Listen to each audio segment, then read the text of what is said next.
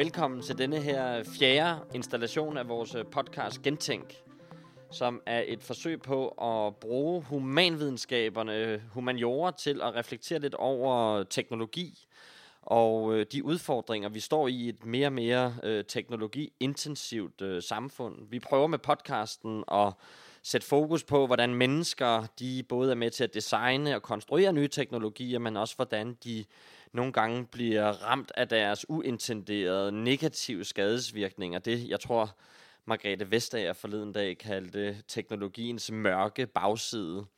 Øhm, og til det har vi øh, haft den fornøjelse at have en række excellente eksperter i studiet, og i dag er bestemt ingen undtagelse. Vi er så heldige at have besøg af Vincent Hendricks, der er professor i formel filosofi øh, og boblestudier på Københavns Universitet, det humanistiske fakultet. Vincent er en af de store, kan man sige, ledestjerner i Danmark og også internationalt i debatten om, hvordan især sociale medier og hvordan tech-giganterne de øh, påvirker vores hverdag, vores politiske liv, men ikke mindst vores øh, kognition, vores evne til at opfatte verden, tale med hinanden. Så jeg glæder mig meget til den samtale, vi skal have i de næste 30-40 minutter. Øh, mit navn er David Butz Petersen. Jeg er selv professor i forskningskommunikation på Aalborg Universitet her i byen, i København, hvor vi øh, i Humanomics Centeret prøver at udbrede ideen om humaniora som en aktiv ressource i samfundet, rettere end som en øh, sten eller klods, man kan få om benet, som en luksuriositet, samfundet ikke øh, har råd til.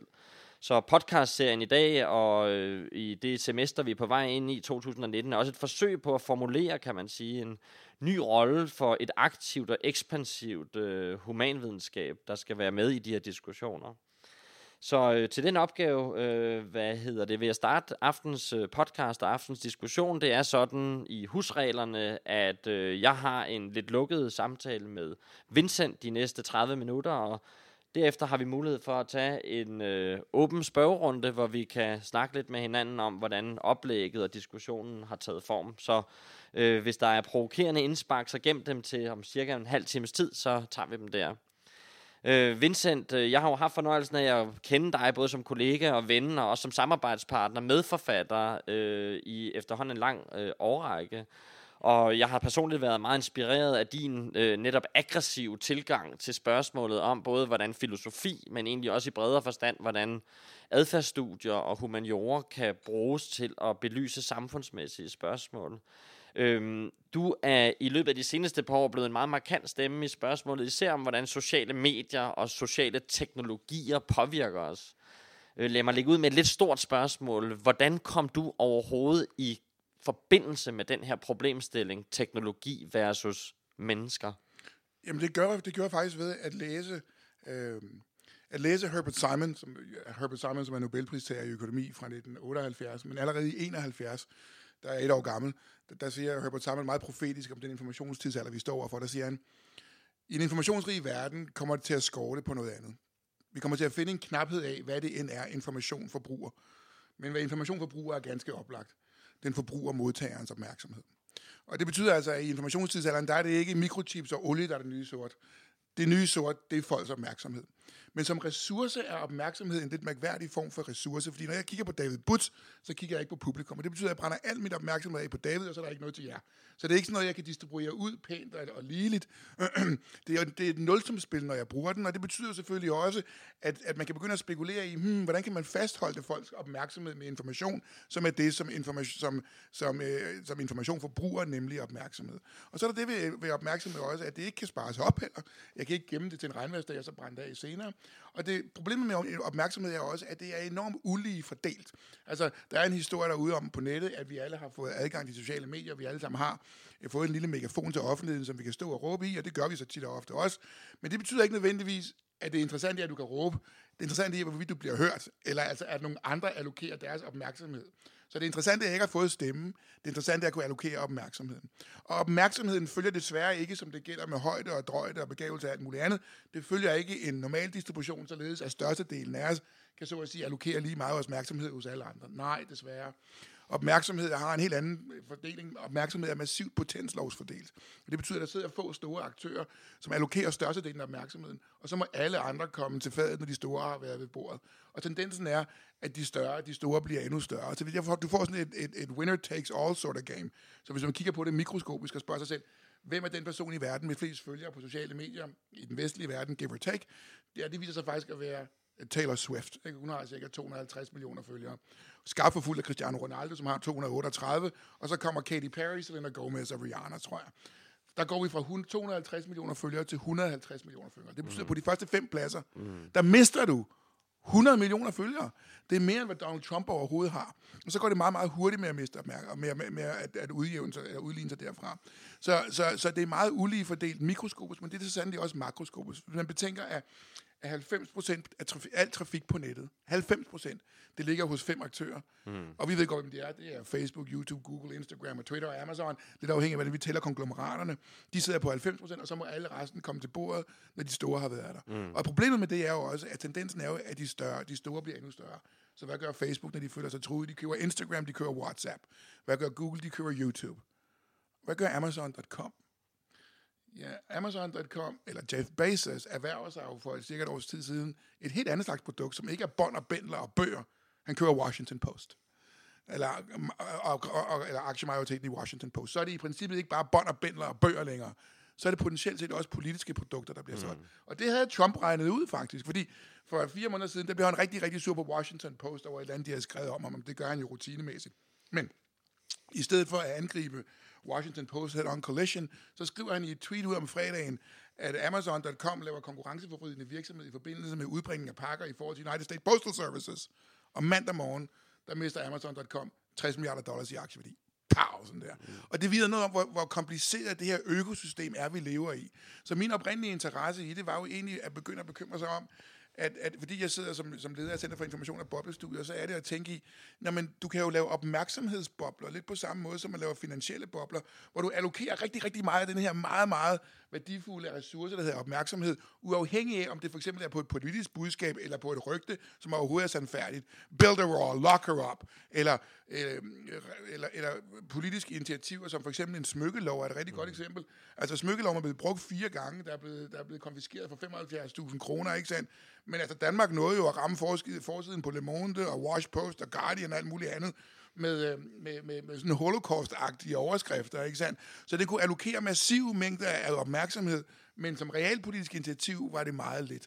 Og derfor er jeg begyndt at interessere mig for det, alt den stund, at, at det fodrer meget fint ind i at diskutere de her forskellige former for, for boblefænomener, men hvor aktivet ikke længere er et monetært aktiv, men hvor aktivet er opmærksomhed. Altså, som jo i sidste instans er en meget humanistisk feature, jo. Præcis, fordi altså, jeg tænker jo også, at øhm, det er jo, vi er jo inde og røre her ved nogle af de allermest centrale samfundsfænomener i øh, vores nutid. Hvordan vi øh, ikke bare udvikler ny teknologi, men også hvordan man ejer folks bevidsthed, hvordan man kan styre den, hvordan man kan stimulere øh, folks opmærksomhed i bestemte retninger. Alligevel øh, vil man øh, måske som en udfrastående, hvad kan man sige, observatør sige, hvad, hvad har det med formel filosofi at gøre? Hvordan kan det være, at øh, filosofer, der arbejder med epistemisk logik, der normalt gør det i dybt matematiseret universer, på stor afstand af samfundets øh, forhåndværende problemer, hvordan kan det være, at øh, det lige pludselig bliver en ressource, vi kan bruge til at håndtere nogle af de her problemer med? Hvad var ligesom, hvor faldt tiven for dig, der kommer fra et alt andet lige en, en, øh, en excellent forskningskarriere som eliteforsker, som, som eksponent for en alt andet lige forholdsvis verdensfjern disciplin, øh, som finder ud af, at både mainstream epistemologi, men i virkeligheden også store dele af den eksisterende filosofi, har brug for denne her øh, temposkifte til at kunne bidrage til oplysningen af nogle af de her fænomener.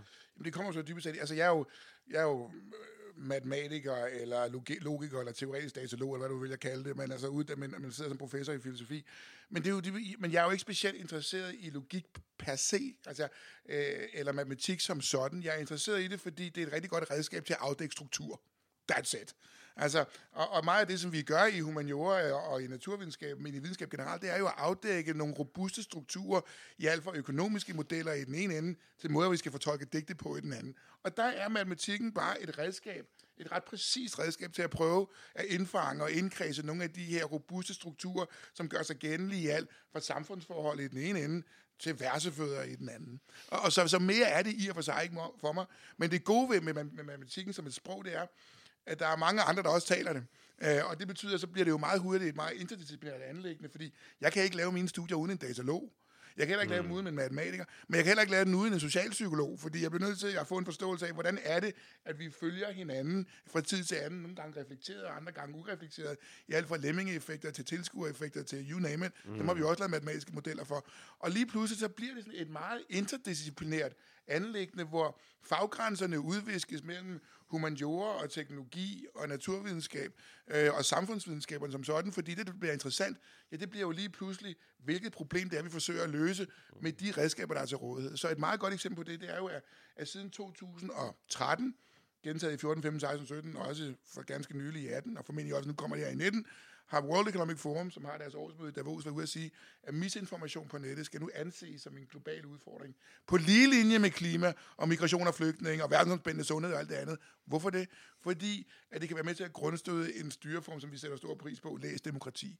Og det betyder jo, så kan du godt se, at misinformation, ja, det er jo ikke kun et, det er jo ikke kun et datalogisk anlæggende, mm. eller et, øh, et, for den sags skyld, et, et presseanlæggende det gælder, at det gælder mange forskellige humanistiske eller tekniske discipliner, skal være med ind til at prøve at tøjle og forstå det informationsmarked, i hvilket vi alle sammen nu er nedsunket.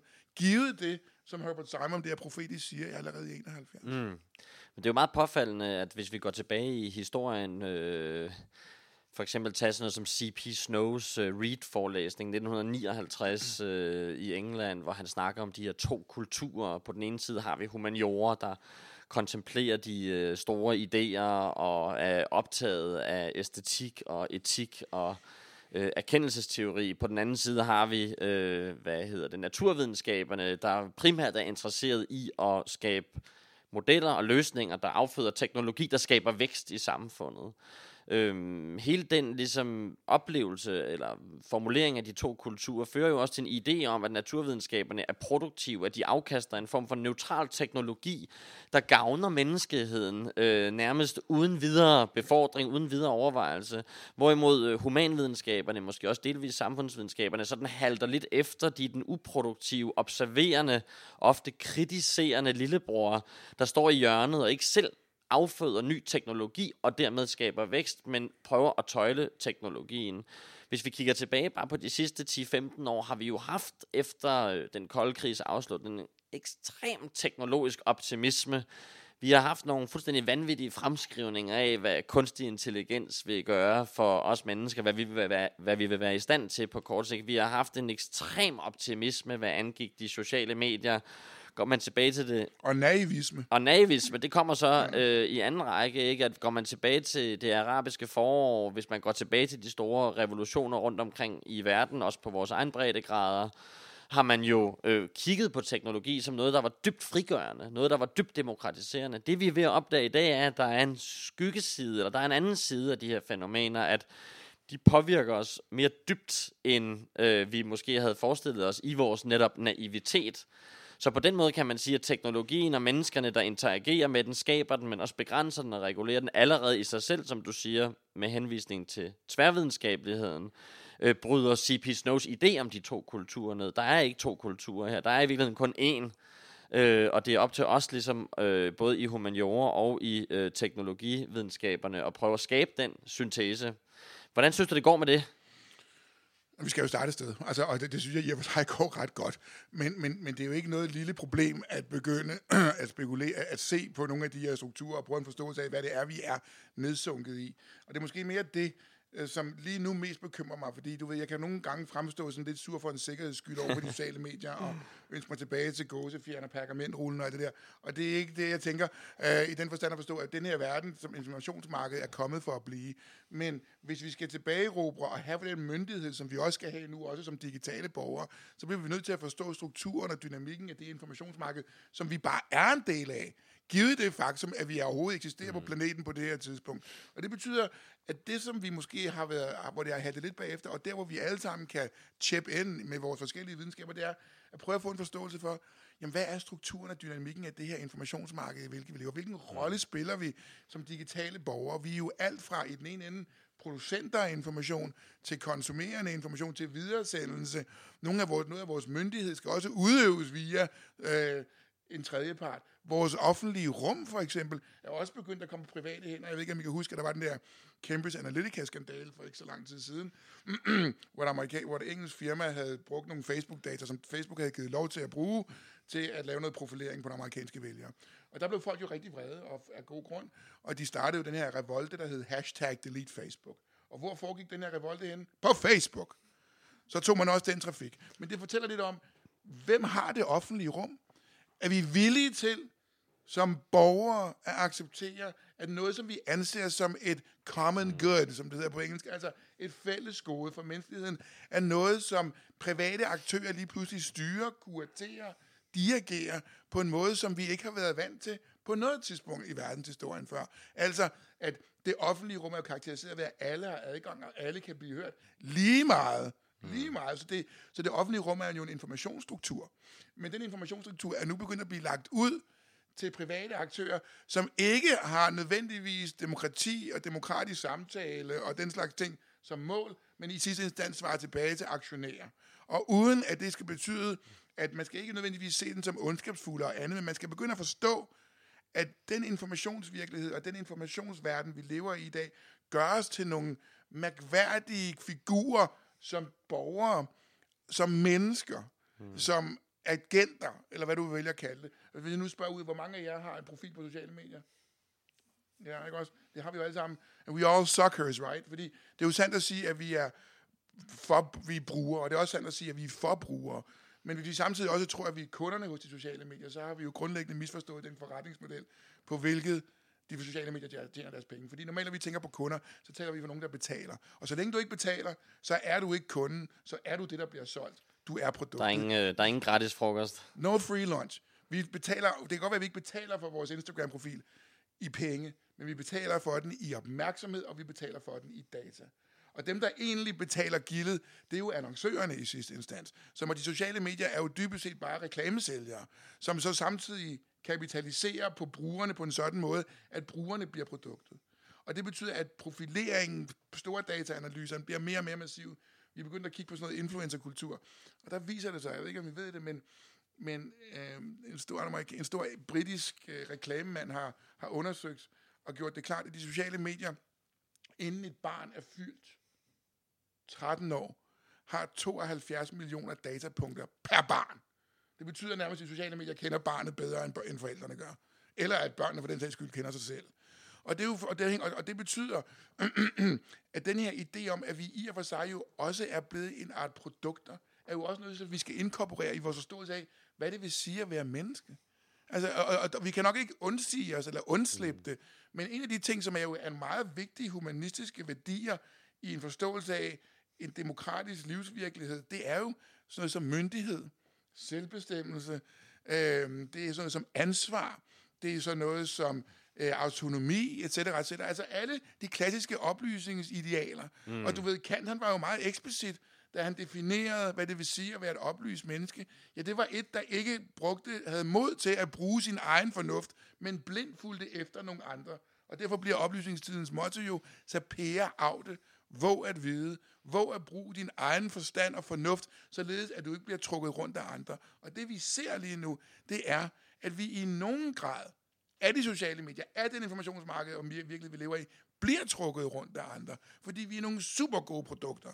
Og vi, skal, og vi vil altid komme tilbage. Og jo længere du kan få til at spille, in the end, som Robert De Niro siger i Casino, we'll take it all. Ja. Så det, jeg hørte dig sige, det er, at vi på den ene side har skabt et relativt potent monster, et, øh, et noget af et, øh, en, en, en teknologisk infrastruktur, men at hvis jeg forstår dig rigtigt, vi heller ikke har skabt et, et, et monster, der er større, end at vi godt kan tøjle det. Og måden, vi skal gøre det på, er i virkeligheden ved at vende tilbage til nogle af de klassiske dannelsesidealer, og i virkeligheden mobilisere noget øh, idehistorie, noget kognitionsvidenskab, noget informationsvidenskab, til at prøve at skabe et nyt ideal for digital dannelse, ja. der kan være med til at give øh, unge mennesker, øh, i virkeligheden almindelige samfundsborgere, Alle. en ny idé om, øh, om digitalt medborgerskab, ja. at det faktisk er vejen gennem demokratiet, og ikke hverken over eller under at, øh, hvad kan man sige, fortøjlingen af, af teknologien skal finde sted. Ja, og så er der jo også, altså, så, så udover en, en, en digital dannelsesdagsorden i lyset af at vende tilbage til nogle af de klassiske oplysningsidealer, og ikke kun dem, og en forståelse af infrastrukturen og markedet og det der andet, så er der jo også et element af regulering. Altså, øh, der er også jura i det her.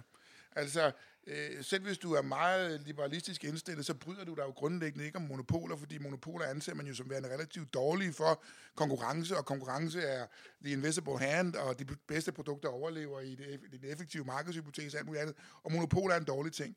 Og for eksempel har amerikanerne jo igennem tiden været rigtig gode til antitrust. Altså, de har jo knækket firmaer op, når de blev for store. Ja. Og hvis du, du ved, hvis du på den ene side siger, at jeg lægger kun båndbredt til rådighed, og samtidig kuraterer information massivt og har et nyhedsfeed, så begynder det at smage, at du er presse. Men hvorfor skal du så ikke underlægges medieansvarslov og god presseskik? Hvorfor skal brugerne ikke eje deres data? Hvordan kan det være, at når vi får vores mobiltelefoner i hånden, så er de jo konsekvent opt-in på alt. Alt er slået til. Altså, tracking, GPS, Hele pivetøjet er slået til. Så det vil sige, når du får din mobiltelefon i hånden, så får du der et fyrtårn på ryggen, og så må du selv aktivt slå fra. Men ideen skulle jo dybest set være, at hvis du fik, når du får produktet, så er det hele opt-out. Så må du aktivt opt-in. Og jeg har ikke noget med, at folk vil sælge deres data til tredjepart, som de ikke kender, men de skal have mulighed for at kunne bestemme, om de vil. At de ikke bare per definition har fået en mikrofon på ryggen, hvor alle kan lytte med. Så der er også et reguleringsmæssigt element af det, øhm, som man også skal tage højde for. Og så begynder jura jo lige pludselig at blive massivt interessant for at være med til at sikre de rettigheder, som digitale modborgerskaber og demokratisk ejerskab i en informationstidsalder lige pludselig skal betyde. Og selvfølgelig, hvad der også er afgørende i den sammenhæng, er selvfølgelig, at øh, det stiller meget store krav til vores politiske beslutningstagere og embedsapparat, at de virkelig skal tage de her ting alvorligt, at øh, man ikke kigger naivt på teknologien, hvad enten det er øh, tech-giganter eller leverandører af algoritmer og kunstig intelligens, som noget, der udelukkende gavner menneskeheden. Man kigger på det med åbne, realistiske øjne og siger, vi er også nødt til at ansætte noget humankapital i centraladministrationerne, i parlamenterne rundt omkring i for eksempel Europa, til rent faktisk at kunne overvåge og også nogle gange interferere i den her øh, udvikling. Der har måske været en tendens til, også lidt i lyset af den der teknologiske naivisme, du omtalte før, at Øh, ofte er reguleringen ligesom behind the fact. Vi ja. kommer altid for sent, og det virker også som om, at der er et leap, altså der er et, øh, et, et, et, lidt et vildt vesten øh, imellem det, som er teknologisk muligt, og så reguleringen af det. Vi kommer hele tiden lidt for sent, og det skaber sådan en række, en række udfordringer. Men jeg vil egentlig gerne lidt tilbage til det der med medicinen. Jeg ved, du har været meget optaget af, af, af spørgsmålet om at lave en slags ny, hvad skal vi kalde det, dannelseskanon. Ja. At øh, vi kan ikke kun sidde tilbagelænet i, øh, i den professorale lænestol og diskutere verdens problemer, eller for den sags skyld verdens løsninger. Vi er nødt til at have nogle af de her analyser, noget af det her tankegods ud og gå. Og øh, jeg ved blandt andet, at du har arbejdet aktivt på at få øh, skabt en platform for rent faktisk at skabe ny bevidsthed blandt unge mennesker. Ja. Hvordan gør man det i dag, Vincent? Ja, man søger en masse penge. uh, sådan er det jo hele tiden. Nej, vi søgte, vi søgte Trykfondet for et par år siden på center, så søgte vi Trykfondet om et, et, et stort projekt, vi kaldte DUD, DUD, Digital Uddannelse, hvor du så har UD i parentes og så dannelse. Så, øhm, og den grundlæggende idé var, det var at give øh, folkeskolens, grundskolens udskoling plus gymnasiet et nyt slags undervisningsmateriale, hvor du kan blive undervist i alt fra ansigtsløs kommunikation til shitstormens viralitet, til, billede, til markedet for billeddeling, til fake news og misinformation, til opmærksomhedsøkonomi, digital forstyrrelser, alt. Nalfast og løsø af politihund, fire leverancer, undervisningsmateriale, et ambassadørkorps, en forældreinvolvering og en spilplatform, så man kunne spille fake news-spillet, eller lemming-effekt-spillet, eller, eller, eller. Og det ruller ud nu, altså i næste måned, der, øh, der er vi lige, Camilla Melsen og jeg, som er redaktør af bogen, øh, hvor vi har brugt mange af forskerne på centret til at skrive det. Vi er nu lige i gang med at, øh, at overlevere til, til, til trykkeren, til at øh, materialet bliver, bliver lanceret her, undskyld, bliver, bliver, bliver layoutet og bliver, bliver lanceret, og det kommer til at ligge både online, og man kan også, bogen kan også, øh, skal ikke købes, fordi det er betalt af trykfondet. Øhm, uh, 200 sider, delt ind i fire dele, hvor der er alt fra øvelser til øh, faktabokse og sjove eksempler. Og ideen er jo så, at, at, at det skal kunne indgå i de store i, i, i de grundskolens udskoling og i gymnasieskolen i dansk og matematik og samfundsfag og historie og engelsk. Så for eksempel, hvis man skal vide noget om potenslovsfordelinger versus normalfordelinger. Hvad vil I så helst gøre det på? Kornsorter eller antallet af følgere? Og der er det sikkert for den næste generation sjovere at gøre det på antallet af følgere, eller trafikken på nettet, eller hvad det nu måtte være. Så der er en masse matematikopgaver, der er tonet i retning af det her. Eller sandsynligheden for, at du læser en fake news historie er så så så, så så stor. Du læser så mange af dem. Du har et netværk mellem de her. Hvordan og hvorledes profilerer så en fake news historie? Hvad er sandsynligheden for, at du bliver påvirket af den? Alle den slags ting. Og det ruller ud nu her, som en stor indsats. Øhm, og den, den store forhåbning, det er jo, at, at når, en, når, en, når en, en 8. 9. klasse starter i 8. 9. klasse, eller en, en gymnasieelev eller, eller mellemlang uddannelse, eller ungdomsuddannelse starter, at de får simpelthen et eksemplar af den i, i hånden øh, af bogen som sådan, og så kan man jo så lave modulopbygget forløb. Vi har haft, der er forløbsplaner, der er modulopbygninger, fagkonsulenter, det har været et kæmpe projekt. Øh, Danmarks Lærerforening, alle interessenter har været ind over det, for at sikre, øh, at, øh, at vi får udviklet et materiale, som både eleverne synes var spændende, mm. men som også tjente det formål, som det skulle, og så i øvrigt var forskningsborgen hele vejen. Så det er en stor platform, der ruller ud nu her inden for de næste... Ja, bogen kommer den 7. marts, og så begynder platformen at, at rulle, og forældreinvolvering og alle de andre effekter. Det lyder som et øh, interessant projekt, der skal følges med opmærksomhed. Det ligger jo også nogle puzzlebrikker, nogle, nogle puslespilsbrikker ned i, i spillet om, øh, hvordan vi skal håndtere nogle af de her teknologier. Hvis ikke vi har borgeren med, især den unge borger, hvis ikke vi har øh, uddannelsesinstitutionerne med, så vil det selvfølgelig være svært at bare skabe regulering top-down. Der er en tendens til, at mange af de her spørgsmål ofte ikke interesserer øh, Øh, individet så meget, som det måske burde gøre, set fra et samfundsmæssigt øh, og strukturelt perspektiv. Når du snakker om, at vi nogle gange som enkeltforbruger har en tendens til bare at acceptere alle opt-in, øh, vi bliver præsenteret med, så er det også fordi, vi ikke har en særlig stærk bevidsthed om, hvad det er, vi egentlig siger ja til. Det er det, der i gamle dage kaldtes at skrive med små bogstaver ja. i, i forsikringspolisen. Ja. Og det er jo klart, at en af de store løsninger, det er, at man skal have mere kritiske forbrugere, man skal være i stand til at vide, hvad der sker med en selv, når man begynder at interagere med andre, eller bliver præsenteret for pakket materiale, altså materiale, der i en eller anden udstrækning er baseret baseret på data, der profilerer dine kognitive evner, retter en, en åben øh, hvad kan man sige, fældet eller en åben markedsplads for ja. idéer, så er der jo nogle rammer rundt om den. Og du nævnte også det før med, at ud over den kritiske samfundsborger, skal vi have en stærkere regulering af nogle af de her virksomheder, blandt andet kigge på deres forretningsmodeller. En sidste ting, jeg tænkte, vi kunne prøve at komme rundt om, som jeg nemlig også ved, du har interesseret dig meget for, Vincent, det er, hvad kan man kalde det, virksomhedernes selvregulering. Altså det, samfundsansvar, det, det sociale ja. samfundsansvar, der hviler ja. de her virksomheder. Det er jo sådan, at vi nogle gange på forsiden af New York Times læser en artikel om indgreb i ytringsfrihed, diskussioner, der bliver lukket, nedtagning af indhold, øh, opprioritering af andet indhold. Der ligger jo et kæmpe ansvar hos de her virksomheder, som antageligvis ikke kan løses ved enten hård regulering eller alene kritiske samfundsborgere. Der ligger simpelthen også et, et øh, sådan et indbygget designdilemma ja. i, hvordan er det egentlig, de her virksomheder, de skal udvikle sig fremover, så de ikke ender med, at de enten bliver ramt af Margrethe Vestagers hårde øh, pisk, eller af borgere, der begynder at polarisere øh, gevaldigt på selve platformene. Og det ser vi jo allerede, at de gør. Altså, det, det gør borgere jo, og vi har fake news-kampagner og alt muligt andet. Altså, man kan sige,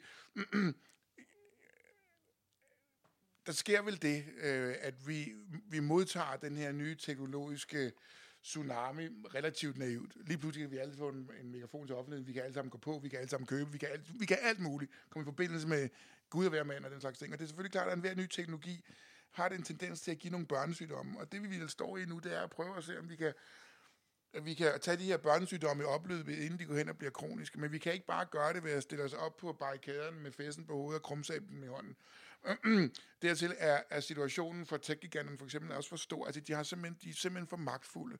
Og derfor er en stor del af det vel også egentlig at ændre øh, deres måde at se på det, de er på. Altså, øh, jeg tror ikke, at Mark Zuckerberg er ondskabsfuld. Jeg tror, at han har været naiv med henblik på, hvor stort Facebook skulle blive lige pludselig, og hvad det kunne bruges til. Mm. Øhm, og derfor er det jo lige pludselig sådan, at hvis du nærmest ejer, eller i hvert fald kurt, faciliterer det offentlige rum, altså det er jo i og for sig det, der er ved at ske nu, fordi det offentlige rum er ved at rykke mere og mere ud på nettet, så bruger man jo også påtænke og påtage sig et vis form for samfundsansvar, som jo går på at sige, okay, hvis den politiske debat nu er rykket derud, på nettet. Mm. Hvis det er der, hvor folk de diskuterer med henblik på at stimulere det, vi kalder det drøftende demokrati, altså at vi diskuterer, inden vi går ned og sætter et kryds, fordi det gør vores øh, demokrati robust, jamen, så bliver vi også nødt til at se, om vi kan facilitere det på en sådan måde, at vi ikke lige pludselig opprioriterer indhold, fordi det larmer rigtig meget, og øh, der er gode penge i det for annoncørerne, for at komme med fake news-kampagner, og så videre, og så videre. Men den del af det bliver jo nok en lidt større en lidt større ambition, fordi det betyder også noget for, for forretningen. Altså hvis det er sådan, vi ved jo, hvad der er, der virker. Hvad er det, der får meget social, hvor meget der får meget social transmission? Ja, det er typisk historie, der fodrer ind i vores, det man kalder aktivitetsmobiliserende følelser. Altså, hvis I skriver ud på nettet, jeg er rigtig glad i dag, det er der sgu ingen, der gider det hele. Men hvis I skriver ud, det er simpelthen også for galt med alle de indvandrere, der vælter ind over grænserne og bla bla bla. Det er, en, det er en vredesfølelse, der kommer til udtryk. Og vrede er aktivitetsmobiliserende. Den animerer os til at gøre noget, til at dele, til at kommentere og andet. Og det man ved, det er for eksempel, at, at, meget fake news, at mange fake news historier har tendens til at fodre ind i de her følelser, fordi det animerer til folks vrede, og folk, vrede, folk gider godt at dele deres vrede, deres indignation, deres mm. angst. Så man kan spekulere i at sætte historier i vandet af den der type der. Og det er jo nok også det, som de sociale medier skal være med til at tænke i, og begynde at tage et ansvar for. Hov, mm. altså, nu er vi jo lige pludselig også en med til at skulle stimulere, eller for den sags skyld nedbryde demokrati. Hvordan er hvorledes, og hvilket samfundsansvar skal vi påtage os? Og det fodrer ind i en større diskussion, som også har humanistisk tilsnit.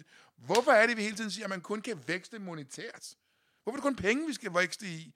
Altså, I en vis forstand forekommer det vanvittigt uambitiøst. Man kan vækste i tillid og ansvar, man kan vækste, man kan vækste i empati, medborgerskab, man kan vækste i alt muligt andet. Og hvis du også kan tjene penge på det samtidig, der er ingen problem med. Det er ikke, fordi jeg prøver at tænke i en planøkonomi. Men vi bliver nødt nok at tænke i fremover, og det er der også undersøgelser, der tyder på. Jeg ved, vi har snakket om nogle gange, David. For eksempel at den næste generation, min søns generation, han er 18 i dag, ikke? Han, han, han er jo ikke tro mod Dalle Valle, bare fordi at forældrene var det. Vel? Altså, han er meget mere forbrugerorienteret med, at jeg, jeg, jeg, har, jeg skylder ikke nogen noget. Men til gengæld, så bliver, vil jeg gerne have mig et arbejde, hvor jeg, hvor jeg kan identificere mig med et værdisæt, som virksomheden har. Og jeg køber identitet, når, mm. eller jeg, jeg køber identitet, når jeg også har arbejdet. Og det betyder, at de ser nok, at måden, hvorpå at vi skal tjene penge på, er ikke bare et spørgsmål, eller måden, hvorpå vi skal vækste, er ikke kun monetært. Det er i at kunne gøre en forskel for de generationer, der er fremover. Og det kommer vi til at spekulere, og der er rigeligt at tage fat på. Der er FN 17 verdensmål, og så er der World Economic Forums 10 udfordringer til verden. Der er rigeligt at gå i krig med, altså. Så vi har også brug for nogle øh, algoritmer, der på den måde øh, forsvarer og kæmper for demokratiet, i stedet for at være bygget til kun at stimulere angst, vrede, indignation øh, øh, og andre af de her lidt mere nedbrydende tendenser. Det, det er jo meget påfaldende, altså i virkeligheden, hvordan den her diskussion, den er ligesom nedsunket jo i et kæmpestort moralsk spil, at øh, det at vise en brystvorte på et billede bliver taget ned med det samme, men at vise en henrettelsesvideo kan få lov at ligge og samle masser af trafik op okay. øh, på få uger, og måske i virkeligheden skabe meget større skade hos forbrugerne, end, øh, end et nøgenbillede kan. Og tilsvarende må man også sige, at øh, der jo allerede i den måde, information bliver selekteret på, foregår en lang række valg, der på den ene side er teknologiske og algoritmiske, men som jo har moralske implikationer. Når Facebook for eksempel i foråret valgte at ændre deres algoritme mod den her mere community-orienterede nyhedsfeed, jamen så er der jo noget, man får lukket ned for, blandt andet udefra kommende globale øh, og ofte redaktionelle nyheder, som kommer fra de store medieplatforme, og du får åbnet op for lidt mere lokal sladderpresse, lidt mere lokal vidensdeling. Øh, nye studier viser jo blandt andet, at øh, de gule veste i Paris jo i høj grad er et fænomen, der er skabt af ændringen i Facebooks algoritme, mm. at man ved hjælp af relativt få ressourcer kunne komme fra 500 deltagere i en Facebook-gruppe til 5.000, til 50.000, til 500.000, ja. og lige pludselig stod øh, gaderne i Paris i brand, og øh, Macron måtte gå ud og sige, hov, vi er nødt til at kigge på, hvilket ansvar Facebook har her. Dermed ikke sagt, at der ikke kan være reelle socioøkonomiske problemer, der bliver mobiliseret eller aktiveret, når man får nye teknologi stillet til rådighed. Men ansvaret her forekommer mig at være øh, noget, der også skal drøftes på virksomhedsniveau. Beskattet i allerhøjeste grad, man må sige. Lige så snart, at du begynder at rangere øh, indhold op og ned, og tage noget ned og lægge noget op, og sætte visse klausuler på det, jamen så, redagi, så, så, så laver du redaktionelt arbejde. Og i den forbindelse, der er, øh, der er både Facebook og Google og alle de andre, de er jo redaktører af nogle kæmpe store nyhedsmedier på den ene eller på den anden måde. Og et hvert nyhedsmedie, med, øh, øh, øh, stort set et hvert nyhedsmedie er underlagt medieansvarslov og god presseskik. Men det er de ikke. Men de kan ekstensionelt det samme, som The Guardian, ABC, CBS, NBC, Politiken, Børsen, Den Korte Avis, alt kan bare meget større. Så derfor er det mærkværdigt, at lige så snart du kuraterer information, der tænker vi jo normalt i som, jamen, så laver du redaktionelt arbejde. Og når du redigerer, jamen, så er der retningslinjer for redaktionelt arbejde, som, jo så skal, som du så skal svare tilbage til nogen for. Og så i øvrigt også, altså hvis du opererer i Danmark, hvorfor betaler du så ikke skat i Danmark? Så vi er helt øh, nede i den helt basale, i virkeligheden, ja. moralske forpligtelse. Ja, men også fordi, at man lige pludselig bliver nødt til at tænke i, at når jeg har den magt, som jeg har, så har jeg også et tilsvarende ansvar. Det er jo en klassisk humanistisk fordring. Med en stor del af magt følger en stor del af ansvar. Så jeg vil sige, at øh, nu har vi jo brugt aftenen på at, at diskutere lidt øh, slagsiderne ved den her teknologi, men jeg hæfter mig også meget ved den optimisme, der er forbundet ved at bruge for eksempel humaniora, samfundsvidenskab og kognitionsvidenskab til at forstå og også vejlede nogle af de her fænomener. Ideen om en ny digital dannelse er jo et godt eksempel på et ekspansivt og progressivt stykke arbejde, der skal gøres for, at vi som borgere som demokrati kan overleve. Og jeg vil også sige, når man kigger ud over diskussionen, bare de seneste dage her, jeg ved, du selv er blevet medlem af en ny tech-kommission, der er nedsat af øh, fagforeningen Djøf. Øh, når man kigger ud over den debat, der foregår i parlamenter og senater rundt omkring, så er der jo en ny åbning. Vi ved godt længere, at at øh, teknologi ikke kan have øh, eneret øh, og råde udelukkende over den måde, vi skal behandle hinanden på, men at vi er nødt til at gå et skridt tilbage ind i vores menneskelige, kulturelle, kognitive og kommunikative kompetencer for at kunne regulere det her. Så hvis vi skal slutte på en positiv note, vil jeg sige, der er jo masser af rum for, at humanister og andre øh, kreative og kulturelt mindede sjæle kan komme ind i den her debat og virkelig sætte sit fingeraftryk. Det løb er bestemt ikke kørt, hvis jeg hører dig rigtigt. Slet ikke tværtimod, altså, fordi det, det drejer sig om dannelse, det drejer sig om oplysning, det drejer sig om demokratisk medborgerskab, det drejer sig om ejerskab på verdens problemer. Der er fire store, tunge humanistiske klodser lige der. Så det er bare om at sætte i værk. Altså, jeg vil på nærmest komme med den påstand. Humaniora har aldrig været så vigtigt, som det er nu. Men det skal selvfølgelig peges ind i måden, hvorpå diskussionen kører, således at det ikke kommer til at være et løsrevet sandslot, og så kommer vi den der historie med, og så siger dansk industri, vi er også udulige alt det der. Vi, laver, vi, vi, vi bliver nødt til at fodre ind i måden, hvorpå diskussionerne kører, og vi bliver nødt til at lave nogle produkter, som folk de gider afsage. Vincent, med de ord vil jeg takke dig for aftens debat her. Det har været en fornøjelse at høre din stemme i podcasten og øh, få de her perspektiver på banen. Tak skal du have. Tak fordi jeg måtte være med.